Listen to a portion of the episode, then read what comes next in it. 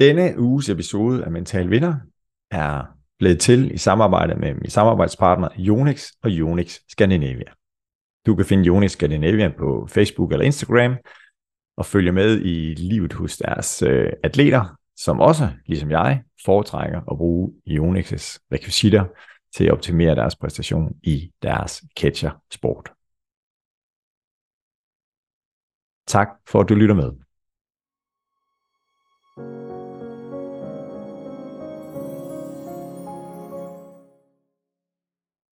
Det er tid til en ny episode i Mental Vinders podcast 1% bedre hver dag.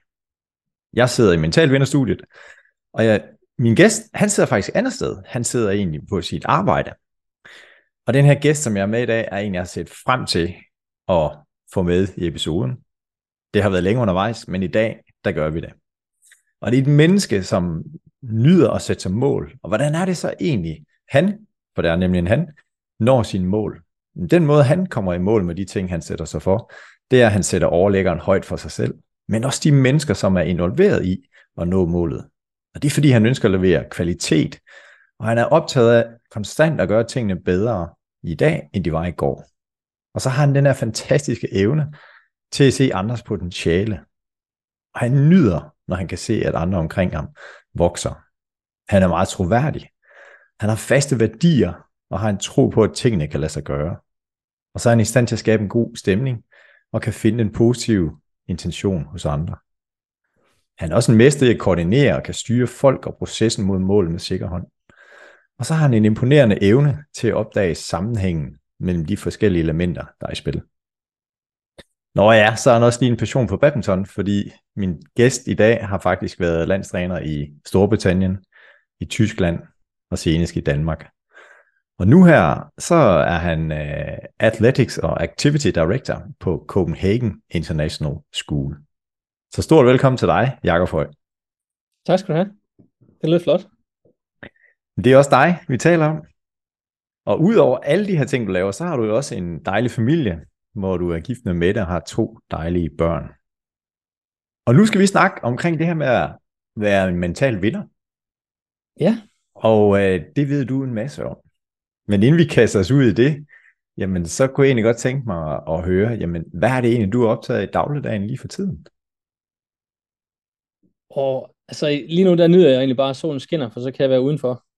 Mm. Fordi jeg har kommet på en arbejdsplads, hvor jeg arbejder så mange timer, og med administration og ledelse indenfor, at uh, jeg egentlig bare glæder mig til at komme udenfor. Så, så faktisk det at få prioriteret nogle timer og nogle weekender, og egentlig bare have en tom kalender i weekenden, det, det, det, det interesserer mig rigtig, rigtig meget. Ja. Det er noget, der, der giver mig krudt til, til hele næste uge. Og det, det er lidt sjovt, for det har meget, meget tit og ofte været den anden vej, jeg tager på arbejde, og så suger jeg energi ud af mit arbejde, og tager det med hjem, og så formår jeg på kort tid øh, at, at få en god weekend. Ja. Øh, eller en kort ferie med, med min familie. Så lige nu der er det, solen er begyndt at skinne, og det, det giver en hel masse, at vi kan, vi kan lave noget udenfor. Ja, Dagene bliver længere, og solen skinner. Det er så fantastisk. Mm. Hvad, nu har du jo, vores relation gået mange år tilbage, og, og den er, vi har mødt hinanden gennem badminton. Og så har du takket af i badmintonverdenen, men er stadigvæk engageret i, i Solo Strand Badminton Klub. Og, og nogen vil jo sige, at nu har du fået et almindeligt job. Det er jo fuldstændig urimeligt at kalde det for et almindeligt job. Men det her skifte med at have været fuldtids optaget af badminton, og så til at arbejde der, hvor du er nu. Hvordan, hvordan har du oplevet det? Oh, det er svært. Uh, jeg omtaler det tit som, at det er den anden side af medaljen eller, eller mønten. Mm. Fordi at, hvor jeg helt egoistisk bare havde behov for at bevise mig selv på en anden scene, end den jeg var i, ud og prøve at bruge min evne og min kapacitet til, til at arbejde med en anden type mennesker, end bare det behøvede at handle om, om badminton. Det var det behov, jeg havde, øh, og det er det behov, jeg er stolt af, at jeg, jeg er ude at søge. Øh, men hvor jeg før, der, der måtte vi godt krasse til hinanden, skubbe til hinanden, øh, nærmest sparke til en mand, der ligger ned, fordi det handlede om at vinde i morgen. Mm. Øh, og nu er jeg i en position, hvor det hele det er så værdidrevet, øh, at det handler om, hvordan vi er sammen, og hvor mange vi kan være sammen, og hvordan vi kan gøre det, så flest muligt er sammen om en aktivitet. Det er, det er sundt for mig, at sådan virkelig prøve både at være i det, agere i det, men også at, forsvare det, når jeg skal forsvare de værdier, jeg er ansat under. Uh, grundlæggende så hedder det, we are educating uh, Champions of a Just and Sustainable World. Og det var faktisk det, jeg blev forelsket i, da jeg søgte jobbet herude. Øh, men det er også bare en anden side, for der er masser af sport, og det er lige pludselig, at det ikke handler om at vinde. Det kan jeg da godt have svært ved. Jeg kan da mm. godt være svær i at være i middelmodighed øh, eller tilfredshed og så videre, når, når det jeg er ansat til, det er at, at sørge for, at øh, vi også har en god dag i morgen. Det er ikke kun det, for der er masser af andre opgaver i det. Men når man kommer ind i, eller når jeg er kommet ind i, eller den skoleverden, jeg er kommet ind i, mm. der, der kan jeg mærke, at der er ikke bid, der er ikke de samme krav. Nogle gange så kommer man til enighed i stillhed, øh, ikke ved at råbe højt, og ikke ved at have røg ud af ørerne, eller ved at, at sige, hvad, hvad man mener, og hvad man føler i, i det øjeblik, noget bliver sagt det er en udfordring, men det er også rigtig spændende, fordi øh, jeg kan mærke, at de er ikke vant til at have mig på besøg. Så jeg har med det samme fået en rolle som ham, der krasser, ham, der forventer, at de andre de får røget i ørerne. At, at de må da have en holdning til det, der foregår. Så det ser jeg faktisk som interessant, og jeg lærer en hel masse nye ting om mennesker, som ikke i forvejen har, har sagt, hvad de mener, men som bliver tvunget til det. Det kan jeg godt lide. Ja, og, og det er jo også, når man kommer ind i et nyt team eller gruppe, så er det netop det der med at finde rollen og finde ud af, hvad der er op og ned, og hvad, hvad er do's and don'ts, eller hvad der I snakker i jeres, i jeres verden. Hvad, hvad har været den fedeste oplevelse ved det, eller den her sige, okay, jeg hører jo dem, der er nogle, nogle ting, der er rigtig, rigtig godt, og nogle ting, som er anderledes i forhold til, da du var i badmintonverdenen. Altså, når jeg kom ind på en skoleledelse, og det at se en skoleledelse, det er meget mere politisk orienteret, øh, formalia, øh, opførsel, det og hvordan vi tiltaler hinanden og andre, taler om andre. Det er blevet et helt andet tema, end det meget direkte sprog, jeg kom fra. Jeg er kommet ind og skulle egentlig vende mig til at være i en skole og øh, både være nysgerrig og respektfuld overfor, at der sidder altså nogle principals, forskellige skoleledere med helt forskellige roller. Og et eller andet sted, så oplevede jeg nok, at den verden, jeg skulle ind og have, at det handlede om deres sports- og aktivitetsprogram uden for skoletiden, at den var så perifer for de andres arbejde, at hvad er det for en rolle, jeg egentlig har i skoleledelsen. Mm. Og jeg tror stadigvæk ikke helt, de ved, hvad jeg laver, og hvor mange mennesker jeg har, som jeg arbejder med. For jeg har både 25 instruktører og 25 trænere, som jeg skal koordinere og arbejde med til dagligt. Men det jeg så fandt ud af, det er, for at jeg ikke skal sidde og spille min tid, så kan jeg det mindst prøve at være kritisk over for det, de sidder og diskuterer. Og det betyder, at jeg får lov til at rode med processen. Jeg har ikke indsigten til, hvad, hvad lovene er, og hvornår lovene blev skrevet omkring øh, hvor mange timer man skal have på en skole, og hvor mange øh, dage en, øh, en skolelærer har ferie, og hvordan en kalender i øvrigt skal se ud i et internationalt samfund. Men når der bliver snakket beslutningsprocesser, så kan jeg gå ind og prikke til dem og så sige, jamen, når I, når I siger det der, har I, har I så ikke bare fundet en, en løsning, der er let? Har I kigget på andre løsninger, som ikke er, ligger lige foran jer? Hmm.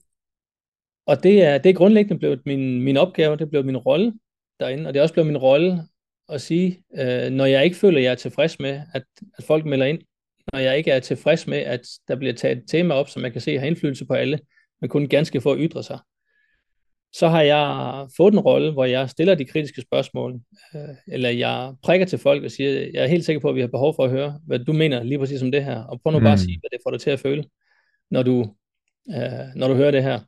For ellers så kan vi ikke tage en ordentlig beslutning på det her grundlag. Og det synes jeg er sjovt, at jeg et eller andet sted i en helt skæv rolle har fået lov til også at have et konsulentbidrag.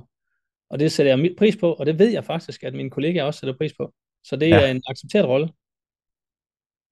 Og det er også det, som jeg kender til dig, det er den her med at sige, kan vi gøre det lidt bedre? Altså jeg tænker også i, i din landstrænerjob, også da du har været klubtræner, jamen, så har du jo også net, kan, kan vi vinde i morgen, hvis vi har tabt i dag? Hvad, hvad skal vi gøre anderledes?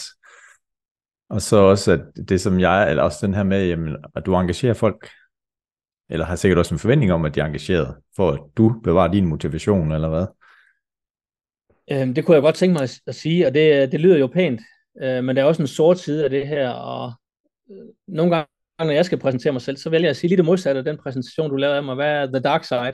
Ja. Det er, det er jo hårdt at være i rum med mig, hvis ikke man er vant til at være i rum med, med en, der kommer øh, sted fra, hvor det handler om at vinde i morgen. Mm. Fordi så mine forventninger kan helt uden jeg siger det, være rigtig, rigtig høje og urimelige, hvis de kommer et helt andet sted fra. Jeg skal lære at forstå, at ting skal siges, udtales, skrives og bekræftes, før det bare er naturligt. Så når jeg kommer med alle mine idéer om kulturel udvikling, eller at flytte os øh, kulturelt, eller synliggøre en kultur, vi gerne vil have, så skal der meget mere til, end at snakke om den. Øh, og det, der, der er jeg ikke sikker på, at jeg er den nemmeste mand i, i verden. Fordi når jeg har alle de kaldte tanker og idéer, som jeg selv bliver forelsket i, så bliver jeg også mm. lidt den her bull in a china shop, elefant i porcelænsforretningen. At der er også en vis risiko, hvis jeg kommer ind og får lov til at starte på alle mine idéer, men der er ingen chance for, at jeg selv kan gribe alle boldene. Så kan jeg godt både komme til at skubbe til og irritere og skuffe nogle folk undervejs. Mm. Det, er jo ikke, det er jo ikke helt rosenrødt. Øh, jeg har i den grad brug for holdspillere, for at jeg kan, for at jeg kan trives. Fordi jeg kan ikke, øh, jeg er ikke på nogen måde en one-man army, og har jeg ført heller ikke lyst til at være. Nej. Jeg husker, jeg tror, jeg ved det var et år eller to siden, hvor, hvor du netop fortalte om de her dark sides, hvor du skulle lave en præsentation, hvor du var opmærksom på den effekt, du kan have på andre folk, som du lige har delt, delt med os her lytterne, at, at sige, okay, jamen der er også noget andet, eller bagsiden af medaljen. Og det er jo i hvert fald noget af det, som jeg også beundrer hos dig, at den her evne til at, at reflektere, og selvreflektion, som mit indtryk er, at det gør du meget af. Er det rigtigt? Jeg tror, det er rigtigt, og jeg tror, det er en styrke, når man sidder, når jeg sidder og taler i et, i et fagligt, sagligt forum, øh, hvor det handler om, hvordan vi er sammen som mennesker. Det kan også være en svaghed over for nogen, der har brug for at opleve ledelse nu og her. Mm. Eller det kan være intimiderende over for dem, der aldrig har haft den her oplevelse før, og sige, wow, hvordan kan han sidde og udlevere sig selv? Skal jeg nu også selv sidde og dele mine svage sider? Det, det er noget, man enten lærer, øver sig i, eller finder sig i over tid. Og det kan være utrolig ubehageligt, og det kan opleves ubehageligt for andre om, hvordan får jeg en rolle i den her samtale? Skal jeg dele? Skal jeg give ham ret? Eller skal mm. jeg sidde og sige, nej, det passer da ikke, du er da jo i virkeligheden en ganske sød fyr. Men det må jeg jo finde mig i. Det er jo det, er jo, det, er jo det præmis, jeg går ind i. Jeg, mm. ja. En del af det at, at forstå forskellige folk, eller folks forskellige perspektiver og anskuelser af verden, det må jo også være, at jamen, når jeg deler noget om mig selv, så skal jeg også forstå, at det kan opfattes på forskellige måder. Og hele det der spil, det kan jeg godt lide. Og det er jo ja. måske også det, der har fået mig til at rykke til en international skole. Vi har 126 forskellige nationaliteter repræsenteret herude. Altså jeg træder ind ad døren, og så er hele verden der bare. Okay. Ja. Vi mødes på et sprog, men der bliver talt alle sprog. I vores lærerstand, der har vi 45 plus nationaliteter. Så hver gang jeg står over for en, så bliver jeg nødt til at gøre mig umage. For øvrigt et ord, jeg er forelsket i. Jeg bliver nødt ja. til at gøre mig umage øh, med, at måske bliver der sagt noget, eller udstrålet noget fra kropssproget, som jeg ikke helt ved. Så jeg er nødt til at spørge flere gange, før jeg dømmer folk. Og måske er jeg også nødt til at forklare det på forskellige måder, mm. så folk forstår mit budskab. Ja. Det er dybt fascinerende. Jeg synes, det er helt fantastisk at, at få en legeplads, hvor man kan øve sig i kommunikation, fordi man er tvunget til det, og ikke fordi, at nu har jeg lige travlt. Spændende.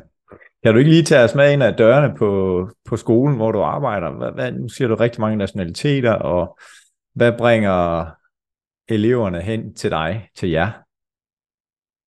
Det internationale skolemiljø, det er, det er defineret ved, at rigtig mange, det kan være ambassadører, det kan være øh, expats, som ofte kommer ud til store multinationale virksomheder i 3-5 år, og så skal de videre. Mm. Og det gælder også de ansatte. Det er, det er en levevis at være international.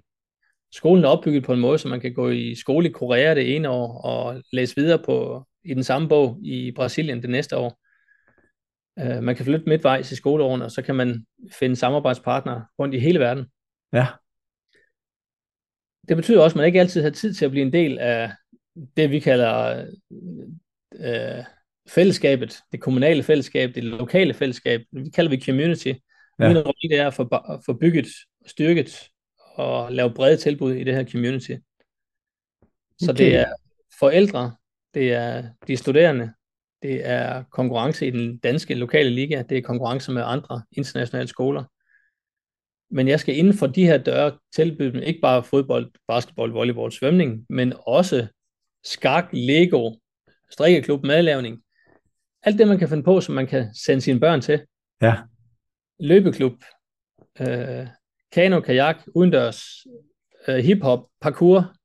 Alle de der ting, som man kan gå til, det skal vi have her, og ikke ude i byen. Okay. Og så skal jeg egentlig sidde og have så mange som muligt til at deltage i det, og så alligevel sidde og klappe i hænderne, når de er så godt integreret, at de går ud og tilmelder sig de danske klubber, i stedet for mine klubber. Ja. Det er jo egentlig bare et godt signal. Ja. Det er også noget, jeg skal have mine kollegaer til at forstå, at succeshistorier kan også godt komme, selvom vi mister deltagere i vores program. Mm. Jeg har jo i hver, at jeg er træner i Gladsaxe Søborg Badminton Klub, nu nævnte du ikke badminton, det er ikke det er en del af programmet, men jeg har nemlig oplevet, at der er nogle af de her børn, som så er, vi er udsendt til Mærsk, eller er udsendt til en eller anden stor virksomhed for nogle år, øh, som kommer ud i den lokale, i det her tilfælde badmintonforeninger. Og, og det er jo, øh, altså jeg, jeg, med det du fortæller, så tænker jeg, okay, der er nogle udfordringer der, og der er også det, hvordan får vi dem integreret, og jamen om to år, så er vi i Korea, hvor meget krudt skal vi så bruge på at blive integreret lokalt her, øh, hvor jeg tænker, der er en masse overvejelser hos forældrene, hvor jeg i hvert fald har oplevet nogle børn også, hvor jeg tænker, wow, hold da op et ugeprogram.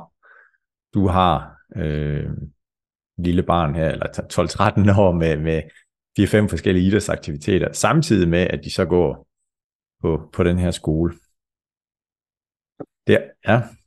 Men de har, de har også de har travlt, øh, og man kan også se det som en form for aktiv, kreativ eller planlagt børnepasning. Det kunne det sagtens være. Mm. Det er så bare et niveau, jeg ikke finder mig i at gå med til. Jeg finder mig ikke i, øh, at mine aktiviteter bliver til, til childcare. Øh, og der nyder jeg måske godt af, at hvor vi som skole, og den danske skole også, inklusion er det vigtigste ord, der findes, hvilket for øvrigt er dybt interessant og også sjovt at arbejde i at navigere under. Men så er det også at forstå, at hvis ikke man har ressourcerne til at rumme alle, eller passe på alle, eller passe på alle de andre, men så skal jeg ind igen og, sidde og sige, nu er jeg ham, der sidder på den anden side og sige, jamen jeg kan godt forstå, at der er en her, der har det svært ved at deltage i en aktivitet. Men så længe jeg ikke har flere ressourcer, så har jeg også lov til at sige stop, så mit program, der, der dyrker vi inklusion hertil, men ikke længere. Mm. Og det er, det er ikke populært at sige i det her miljø, hvor inklusion det virkelig er det helt store ord, det store topic, og for mange der er det, der er det det, der er the North Star. Det er det, vi sigter efter, og det er det, vi lever i det, vi mm. gør. Ja.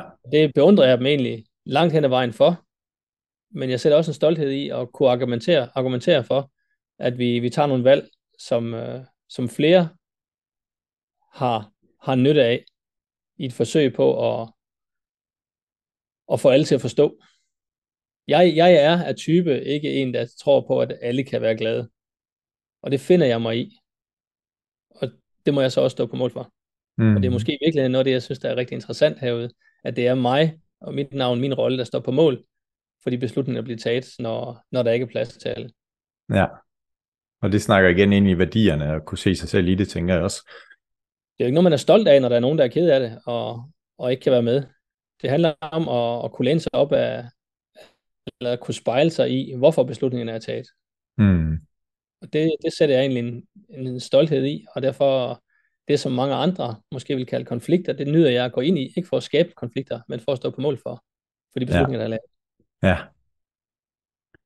Så det var lidt din dagligdag her i dag. Øh, har jeg lige lyst til at gå lidt tilbage øh, og høre, ikke om den yngre Jakob, men i hvert fald i forhold til, til den her rejse, du har, har taget, øh, kalder det erhvervsmæssigt, men også i badmintonverdenen, at, at øh, du starter med at være træner, badmintontræner, du starter sikkert med at være badmintonspiller, og så hvordan bliver du så træner, og så til de store oplevelser, du har haft med, med badminton hele verden rundt. Kan du ikke prøve at, at tage os med på en rejse? Jo, altså jeg vil nok aldrig, med de badminton jobs, jeg har haft, så vil jeg aldrig komme til at definere mig selv som, at jeg har været badmintonspiller. Jeg har gjort som mange andre, der i, i den generation havde en nøgle til hallen, og det at være træner, det gav mig en nøgle til hallen, det gav mig adgang til bolde. Jeg var forelsket i badminton, og det har været i rigtig, rigtig mange år. Ja. Men ved at være hjælpetræner, hjælpeinstruktør, øh, og være på hundredvis af sommerlejre, så fik jeg adgang til det, som jeg var forelsket i. Mm. Så det mhm. var egentlig uh, straightforward. Uh, og, og så var det en, en sjov måde, fordi der var ikke, uh, det var mere frivilligt, end det var, end det var lønnet i, i de unge dage. Ja. Men, men en tur på trænerskolen, det flyttede til, at, at, at jeg var badminton-træner for at få lov til at komme på universitetet, til at uh, jeg tog på universitetet for at blive en bedre badminton-træner. Så der sker, der sker et skifte, da jeg er på trænerskolen, hvor jeg bliver flyttet til, at øh, jeg tror på elite, og jeg tror på, at øh, ved at gøre en seriøs forskel, så kan vi også, øh, så kan vi også hjælpe til, til medaljer. Ja, og så der sker et skifte inden... fra, undskyld, jeg er, hvorfor jeg gør det, jeg gør. Ja, undskyld, jeg afbryder, Jacob, fordi vi to ved godt, hvad trænerskolen er. Vi har begge to gået og har en fantastisk oplevelse der. Og inden du kommer så langt, fordi din, din opvækst starter i det jyske. Korrekt. Ja, i Kolding. Kolding. Mm. Og så, øh, så bliver du mere og mere træner, og, og hvornår er det, at du besøger Danmarks Trænerskole, som ligger i Aalborg, hvor det er et år kun omkring badminton og nogle andre fag også? Så. Om det gør jeg 96-97. Jeg bliver inviteret af forbundet allerede et par år tidligere til at tage deres, dem, dem de kalder elitetræner, øh, eller ikke elitetræner, de kaldte, det hed Nyborg-kurser dengang, men ja. var myndet på ungdomselite. Og som 15-16 år, der synes jeg, det gik for stærkt. Jeg havde taget alt, hvad man kunne tage af kurser, og jeg synes, det gik for stærkt, så det synes jeg ikke, jeg skulle endnu. Og så ventede jeg egentlig lidt. Ja. Og så var trænerskolen egentlig bare en mulighed for, hvordan skal jeg få, få brugt et år på at, at, at blive bedre til noget, jeg, jeg i forvejen godt kan lide. Ja. Og så, så tror jeg, der ligger noget øh, egen motivation i det, når det er, en, det er en fest, man selv betaler for. Det er ikke, øh, det er ikke noget, der bliver betalt af staten. Mm. Og der var jeg omgivet af nogle mennesker, øh, instruktør, træner, som, øh, og, og fik jeg adgang til Team Danmark Center. Jeg havde aldrig i Kolding mødt noget, der hed Elite Badminton før. Nej. Uh, jeg kan ikke give Jens Peter Nierhoff uh, skylden for, at, at jeg godt kan lide badminton. Han kom bare fra Kolding, og ikke mere end det. uh, Tidligere europamester. Jeg, jeg, jeg, jeg var i et miljø, hvor der var nogen, som, uh, som er til at være en medaljer, og det kunne jeg godt lide at være i. Ja. Og jeg kunne godt lide at få en oplevelse af, at de er allerede så gode, men, men jeg kan godt være kritisk over for det, de gør. Mm. Så jeg tror, mit mod til at gå ind i folk med en holdning, koblet sammen med, at jeg, jeg følte, at jeg fik nogle værktøjer, der gjorde, at jeg også var berettiget til det.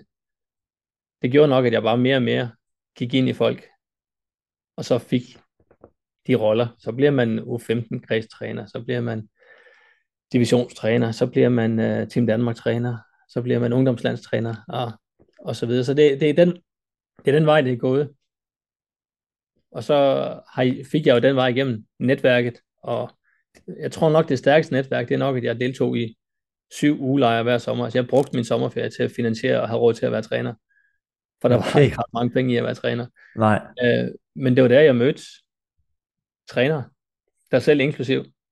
Øh, og, og lærte, blev inspireret og sat pædagogiske mål, tekniske mål for, hvad vi skal den her uge. Ja. Og jeg tror egentlig, det er det netværk mere end alt muligt andet, der har gjort, at jeg har fået de jobtilbud, jeg har fået. Hmm. Og hvordan fik så er du dansk ungdomslandstræner, og så tager du udenlands til Tyskland? Er det rigtigt?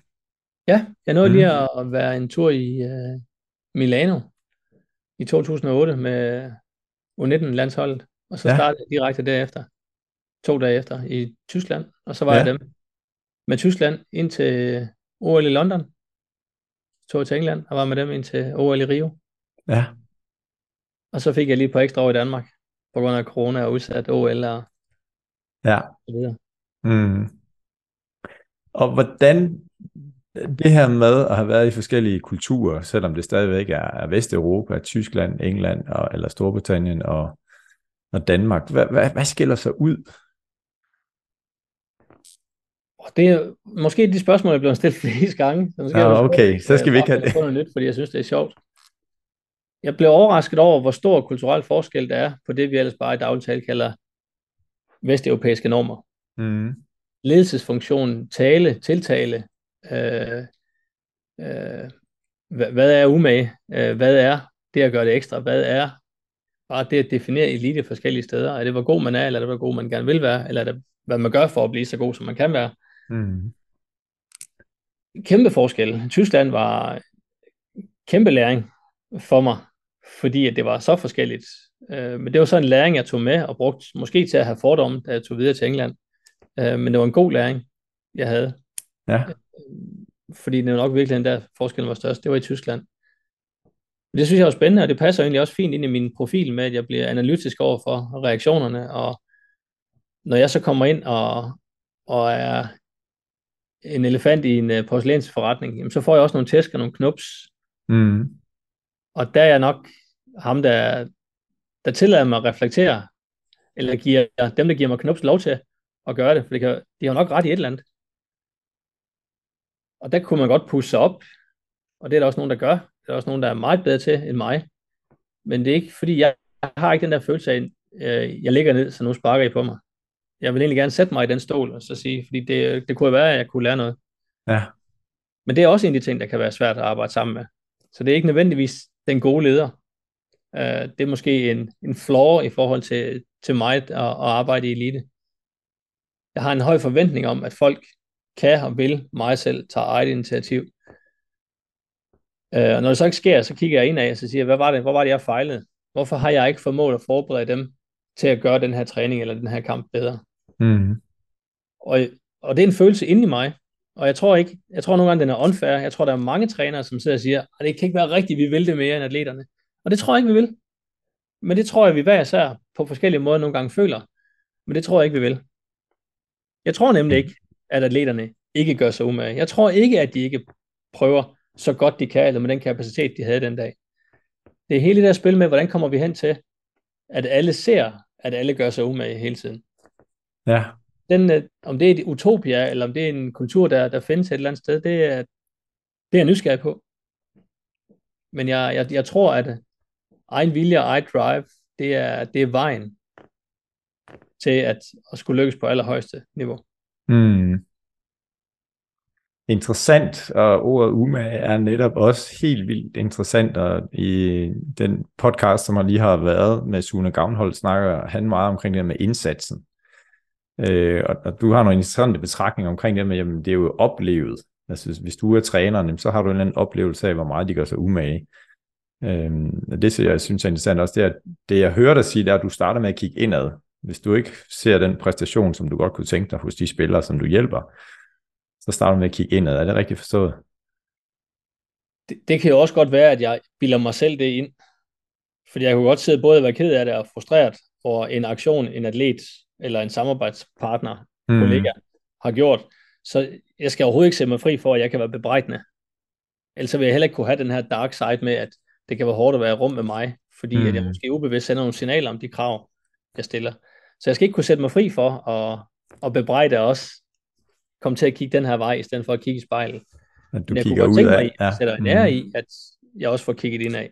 Mm. Så er god nok til det, det, det kan jeg ikke selv vurdere, men hvis jeg skal karakter, karakterisere mig selv, så tror jeg, at det er noget af det, jeg kan. Eller i hvert fald prøve på. Ja. ja. Umage, det, jeg, jeg synes umage, det er spændende, fordi, og nu vil jeg ikke tage den fra Sune, øh, jeg elsker, at der er flere end mig, der kan lide det over. Jeg plejer at sige, at det er den bog, jeg aldrig får skrevet. Fordi jeg, jeg har ikke tålmodighed til at sætte mig ned og få skrevet den bog og, og få nok til det. Men det, at vi i det danske sprog har et ord, som ikke kan findes andre steder. Ja. Jeg har ikke fundet det. Nej. Der har været, der har været forskellige forslag til det osv., men umage, det besidder både en, en intensitet, en volumen, en kognitiv øh, fokus, øh, skarp stillen på det, vi laver. Og det, jeg har ikke oplevet det i andre sprog. Et ord, der beskriver lige så meget, eller det kan rumme så meget umage. Og, og det, det betyder bare, altså når jeg siger det, så, så bliver jeg også irriterende at arbejde sammen med, fordi så har jeg jo sagt alt det her, og kan folk dog ikke forstå, at det er, det er det, jeg mener, når de skal gøre sig umage. Mm. Jeg siger ikke til dem, nu skal du koncentrere dig. Jeg siger, nej, du skal gøre dig umage. Og du skal gøre dig umage hele tiden. Også når sådan, du forlader træning, eller det her møde. Ja.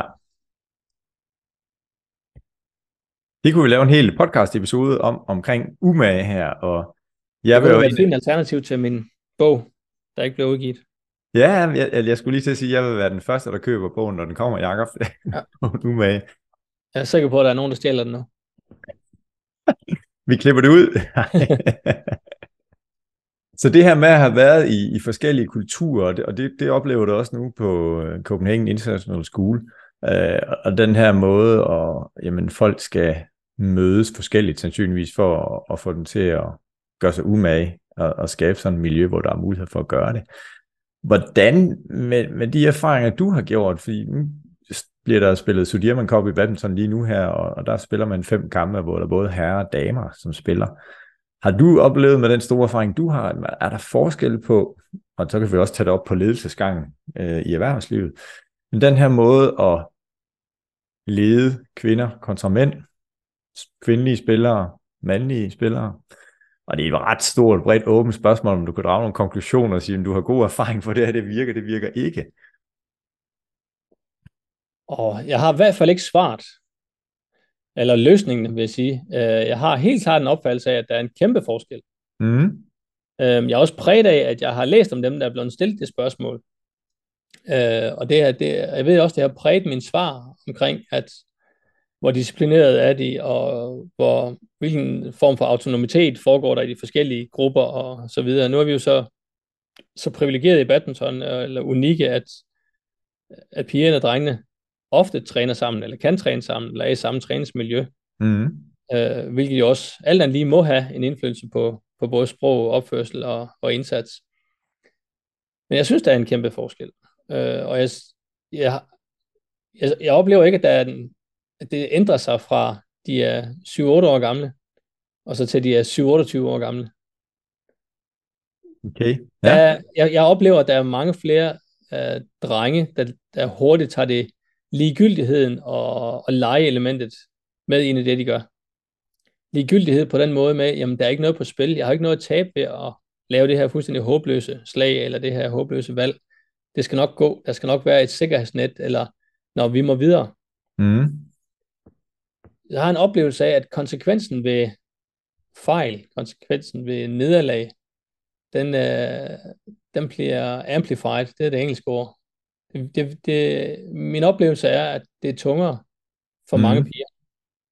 Men i samme øjeblik, at jeg sidder og siger det her, så går jeg også imod det, at vi skal være bevidste om vi, vores forskellighed osv. Kan vi overhovedet tillade os at generalisere? Nej, fordi der er også drenge, der virkelig tager det tungt, og der er også piger, der bare leger og, og så videre. Ja. Jeg tillader mig at generalisere, fordi jeg synes, det er det, der er den helt store forskel. Det er risikoen for, for fejl, og dermed leg og ligegyldighed. Det oplever jeg meget mere i en drengegruppe. Mm. Ja. Desværre. Og, og hvad din, dit uh, syn på det her med at fejle? Hvad, øh, hvad tænker du om det? Og altså, hvis det er sådan, du spørger min, øh, altså min bevidsthed omkring det, så, så kommer det til at lyde pænt og lidt lyserødt og så videre. Men grundlæggende så hader jeg fejl. Jeg kan, jeg kan ikke forstå, at man ikke... Nu har vi lavet den fejl en gang. Skulle vi så ikke så komme videre? Altså, så, så kommer jeg ret hurtigt over i. Det vil sige, hvis jeg er bare lidt stresset eller har lidt krav på, så kommer jeg hurtigt, hurtigt over i, at uh, stupidity, dumhed, det er defineret ved at prøve at gøre det samme på samme måde flere gange. Og forvente den resultat, ja. Mm. Det lyder jo meget pænt, øh, men det er jo ikke min livsfilosofi. Øh, men tillade sig at fejle, tillade sig at gøre noget, som er helt agurk, fordi ellers kan man måske ikke træne ekstremt nok. Så i stedet for at komme ind på, at jeg jubler over fejl, så tror jeg, at det at træne teknisk træning til mig, det handler mere om at opsætte nogle rammer for, hvad man skal gøre, eller hvad man skal undgå, eller hvad man ikke må ramme, hvor man derigennem tvinger en udøver til at, at lave en eller anden handling, som det har de ikke gjort før, bevæge sig på en anden måde. Jeg bliver nødt til at lige være i sportsverdenen nu, for det er meget lettere mm. at mhm. snakke om, når det er bevægelser. Ja. Man kunne også sagtens gøre det på et kontor om, hvor folk de sætter sig i hvilken rækkefølge de skriver en mail. Ja. Men, men der skal være... Vi skal ikke fortælle dem, hvordan det skal gøres som træner. Nej. Alt det, jeg har sagt de sidste fem minutter, det, handler, det, det, det peger jo hen imod induktiv og det, man lærer selv, får mm. sine egne oplevelser med at finde en eller anden løsning. Fordi at, jamen, det er også det, der lærer sig længere tid i kroppen. Uh, så det er jo sådan en pædagogisk trick, som, som vi alle sammen har lært på et eller andet tidspunkt, det prøver jeg bare at dyrke i alt, hvad jeg gør. Ja. Så i stedet for at fortælle dem, hvordan de skal slå en clear, så beder jeg dem om at stå i forskellige positioner, og så slå bolden et bestemt sted hen. Og så længe de er i den position, jamen, så kan de ikke undgå at få en rotation i kroppen, eller en rotation i armen, eller holde de skævt på catchen, jamen, så ryger bolden helt skævt sted hen. Ja. Og så kommer jeg selvfølgelig til at skabe situationer, hvor de fejler. Og så kommer de til at fejle, og jeg står og jubler helt vildt, fordi de måske gjorde en hel masse andet, der var rigtigt. Yes. Så på det spørgsmål om, hvad synes jeg om fejl? Jeg synes, det er cool nok, men det irriterer mig helt vildt. Altså fejl irriterer mig. Mm. Men, øh, men, men det, er, det er nødvendigt onde, og det er, det, det er et præmis for, at vi, vi bliver bedre, og for at vi kan være kreative. Al kreativitet, det vil jo forsvinde, hvis ikke vi kunne lave fejl. Mm. Så jeg værdsætter de fejl, der måtte komme, men jeg sætter ikke pris på fejl. Det, det er et rimelig godt politikersvar, er ikke det, eller hvad? Jeg værdsætter jo, de fejl, der må komme, men... Helt, øh, helt vildt. Og det er så godt, det er så godt. Den, lad os parkere den omkring det der med fejle der, ja. Fordi ja, vi, vi skal jo snakke omkring det her med at være mentalt stærk, og, og der fejler jo en del af det sikkert at blive mentalt stærk, og det ved vi ikke helt, men jo, det er det nok. Øh, så lad os prøve sådan og Du har jo i 2010, der har jeg stillet en række af de her spørgsmål, som går igen i, i podcasten, og bedt om at fortælle, hvad der kendetegner mental vinder. Og, øh, og under corona-nedlukningen, der snakker vi også lidt om det igen. Nu vil jeg lige prøve at dele, dele med lytterne, hvad du egentlig svarede i 2010, og så er jeg spændt på at spørge dig her i 2023, hvad du synes, der kendetegner en mental vinder. Er du klar for det? Jeg er helt klar. Ja. Så i 2010, så skriver du, at en, eller svarer du, at en mental vinder er en, der er cool, bevidst om sit humør i forhold til stress, socialt stærk, ansvarlig, rolig, emotionelt bevidst om både egen og andres tilstand. Og sådan rent adfærdsmæssigt kan man sige, at der har man kontrol, en mental vinder har et kontrolleret kropssprog, direkte og konkret i kommunikationen. Nu spørger du så her i dag, altså, hvad, hvad synes du, der kendetegner mental vinder? Er det samme, eller hvordan har det forandret sig, dit syn på det? Jeg tror, jeg tror det, det, det passer meget godt. Øh, og selvfølgelig så bliver jeg farvet af, at øh, jeg skal også have en eller anden vis integritet over for mit eget skrevne ord. Men en vinder kan formulere sig tydeligt og kan stille krav til folk omkring sig, også under stress. Og for at tage sådan en anden vinkel på det, hvad er god teknik? God teknik, det er i badminton. Mm. Det er evnen til at, at kunne, uh, kunne slå bolden derhen, hvor man har behov for det, uanset hvor presset man er. Og det synes jeg egentlig, at det kan godt linkes direkte over på, uh, hvad er mental styrke. Mm. Men uanset hvor presset det er, så kan jeg tage et valg og få kommunikeret det valg, og lave en handling på det valg, sådan så der sker en forandring. Så er det ikke sikkert, at det lykkes, men jeg kan få sat alle de her ting i værk, og det at sætte dem i værk, eller forsøge på at sætte dem i værk, være bevidst om det, det er helt grundlæggende krav for en mental vinder. Det kan yes. så godt være, at der er en bagside, der gør, at man for et kort stund bliver et dumt svin. Men det er ikke nødvendigt, at man bliver et dumt svin. Man kan godt gøre det her uden at, at, at give andre folk en dårlig dag. Men nogle gange, så er der behov for det. Ja. Og du nævnte også lidt tidligere det her med, hvad, hvad er perspektivet? Altså, er det på kort sigt, på lang sigt? Øh, har vi lang tid til at tage beslutningen, eller skal vi eksekvere eller levere nu? Tænker jeg også er noget af det, der fylder. Ja. Mm. Det hæfter mig også ved, og det er lidt her, da vi snakker sammen i 2020, hvor at, at du skældner det her med en, almindelig situation, og så under stress. Og du nævnte også lidt her, jamen når under stress, så kan det godt være, at der er nogle andre ting, der, der skal aktiveres, eller noget. Hvordan, øh, også når du hjælper, eller dem, som du har arbejdet med, eller dem, du er leder for nu, altså skældner du meget i dit lederskab, trænerskab, hvis jeg kan kalde det det, men det her det er en almindelig situation, og det her det er en stresssituation. Jeg tror, den tydeligste, hvis jeg skal have kameratesten, nu sætter vi kamera op og så siger, hvad gjorde jeg lige der? Mm. Uh, jeg prøver lige at tænke på mit eget kropssprog, sådan så de rent faktisk kan af, at jeg lytter. Ja. Uh, folk, der er stresset eller vrede, de kan godt tale rigtig, rigtig længe. Så kan jeg godt finde på at afbryde dem og sige, det er vigtigt for mig, at du ved, at jeg lytter, men jeg er altså klar til at komme med et svar, når jeg også får lov til at sige noget. Ja. Hvor hele min krop, den skriger bare, at jeg har lyst til at afbryde mig og sige, nu må det være nok. Men, men den måde, de har det lige nu, der er jo et eller andet, der har fået dem til at have det på den måde. Så kan det godt være, at de lige nu er det dumme svin. Det kan være, at de lige nu ikke har kapacitet til at, at komme ud over deres egen interesse. Ja.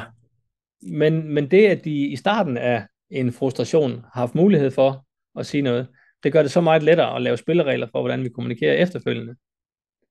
Det kan på den korte bane gøre mig til en sløj reactor, fordi at øh, jeg, jeg skal lige have styr på, hvad, hvad kendskærningen er, før, før jeg reagerer på det. Fordi jeg ved, hvor dum man kan se ud, hvis sådan, man reagerer med det samme, men lige har misset, at der faktisk var en rigtig god grund til, at det lige er sket. Eller mm. man ikke mm. helt havde øh, perspektivet, konteksten i det, der var sket. Så det, det er et valg, jeg har, men måske er det et valg, som, som kommer, fordi at det, det er det, jeg har det godt i. Måske er det et valg, der kommer, fordi at jeg i virkeligheden ikke har, ikke har det godt med at stå og, og råbe andre folk op i hovedet. Fordi mm. når jeg ser folk gøre det, så ser jeg ned på de folk. Folk, der råber og skriger, dem, dem, dem ser jeg som mindre værdige. Så, så den position har jeg ikke lyst til at sætte mig selv i, selvom de folk måske lige præcis der gjorde det der, præcis det, der skulle til. Men det har jeg svært ved at være i. Mm. Så det, det, det, er en, det er en holdning, selvfølgelig en værdiholdning, som gør, at jamen, jeg måske træde tilbage fra visse reaktioner. Og der passer jeg måske mere på min personlige integritet, end på den opgave, der er for, lige foran mig lige der. Så jeg er ikke sikker på, at jeg på ingen måde er overbevist om, men jeg er faktisk ret sikker på, at nogle gange så er det her en, en brist i mit lederskab. Eller kan det i hvert fald være.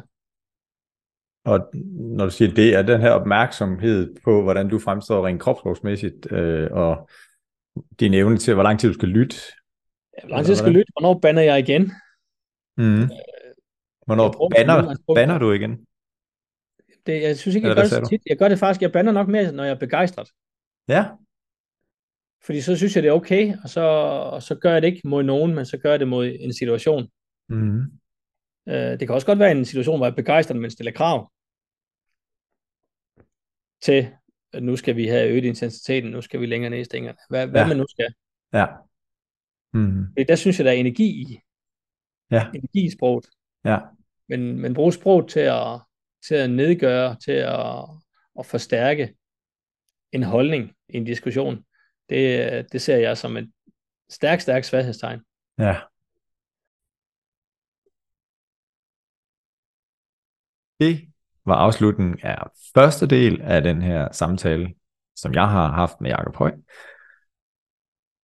Og i næste uge kan du høre anden del af den her dejlige og spændende samtale, hvor det handler om mental styrke. Du får tre gode råd til dig, der gerne vil være mentalt stærkere for Jakob. Og så er der også noget med, at vi skal tilbage i tiden og høre et øh, godt råd til Jakobs yngre jeg, og også hans ældre jeg. Ja, og så er der også nogle andre historier omkring det her med at være med til at vinde medaljer for sit eget land, eller for Storbritannien eller Tyskland, og hvordan det er. Så glæder dig til næste uges episode.